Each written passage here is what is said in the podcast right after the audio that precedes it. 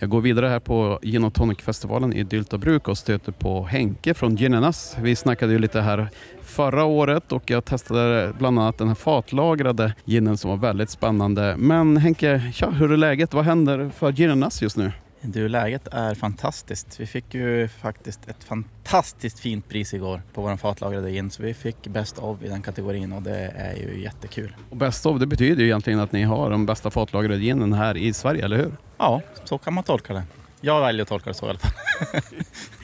Det, det gör ju faktiskt jag också, det är ändå en tävling. Ja, absolut. Jag tycker det är jättekul. Men mer, berätta vad, vad händer för er? Eh, nu kör vi hårt här inför sommaren. Givetvis sommaren är våran högtid på alla sätt och vis. Så nu släpper vi våran Navy eh, den 3 juli. Det är då alltså nu på måndag. Sen kommer ju då våran fatlagrare tillbaka i augusti och sen har vi lite spännande projekt inför hösten också som vi håller på med. Det är lite aveckor av diverse slag och sådär. Lite hemligt är det fortfarande. Ja, men det förstår jag, men ni håller på att bredda sortimentet, det anar jag lite grann då. Eh, ja, vi har ju så få sorter redan nu så tänker jag så att vi, vi kör vidare på vårat spår. Ja, ni har inte varit så produktiva, eller hur? Men hur, hur går det med Pink Skyen? Är batchen helt slut och ni gör nya nu, eller hur ser det ut? Ja, efterfrågan på Pink Skyen har ju varit helt fantastiskt mycket bättre än vad vi någonsin har vågat drömma om. Så att vi har valt att släppa mer av den. Ja, jag tänker på det är väl just det här också att ni, det, jag kan tänka mig att det tar lite längre också när ni ska fixa med rallarros och allt vad det är för någonting, eller vildros eller som ni har i den. Precis. Eh, nu har vi som tur att vi har en av våra delägares pappa som är pensionär så han plockar hej vilt. Så att eh, det, är, det är en viktig ingrediens. Just det här. eh, Sen är det roligt. Vi har fått mycket uppskattning just för, för vildrosorna som flyter omkring i, i den ginen.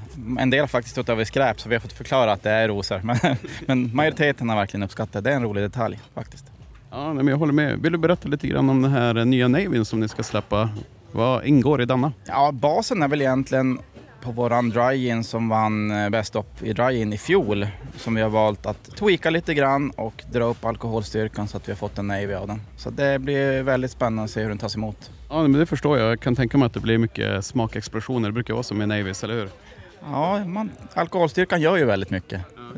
Det är inte alla som tror det, men vi laborerar ju alltid med alkoholstyrkan om vi tar fram en ny sort. Så det är därför, det är, det är inte för inte de har en viss procent, utan vi tar du en och så provar du från 40 procent upp till 50 procent i princip och kollar skillnaden från procent till procent. Ja, men och den fatlagrade, den landar ju väldigt högt. Ja, den hamnar ju ändå upp på 62 procent. Ja, men den ger jäkligt mycket karaktär faktiskt, när vi kommer upp i de procenten. Ja, men det förstår jag. Och eh, om man ska liksom välja en av era produkter här då, vilken skulle du rekommendera som inkörsporten om man inte känner till Ginanas? Vad ska jag välja då?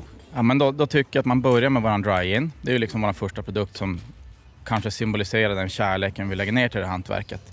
Tycker man sen om att liksom gå vidare i, i våra sortiment så, så har vi en lite mer komplex björkgin till exempel. Lite mer hardcore. Eh, sen har vi då jättefina drinkblandargin. Vår pink gin är jättebra på att blanda drinkar på.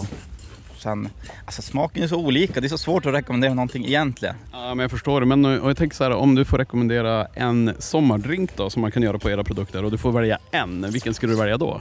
Säger du sommardrink säger jag pink innan direkt. Alltså blanda pink innan med lite hallon tonic och ja, men, lite citronjuice och så toppa med lite jordgubbar och kanske något till, till muttpeppar med så är det ju. Det är somrigt.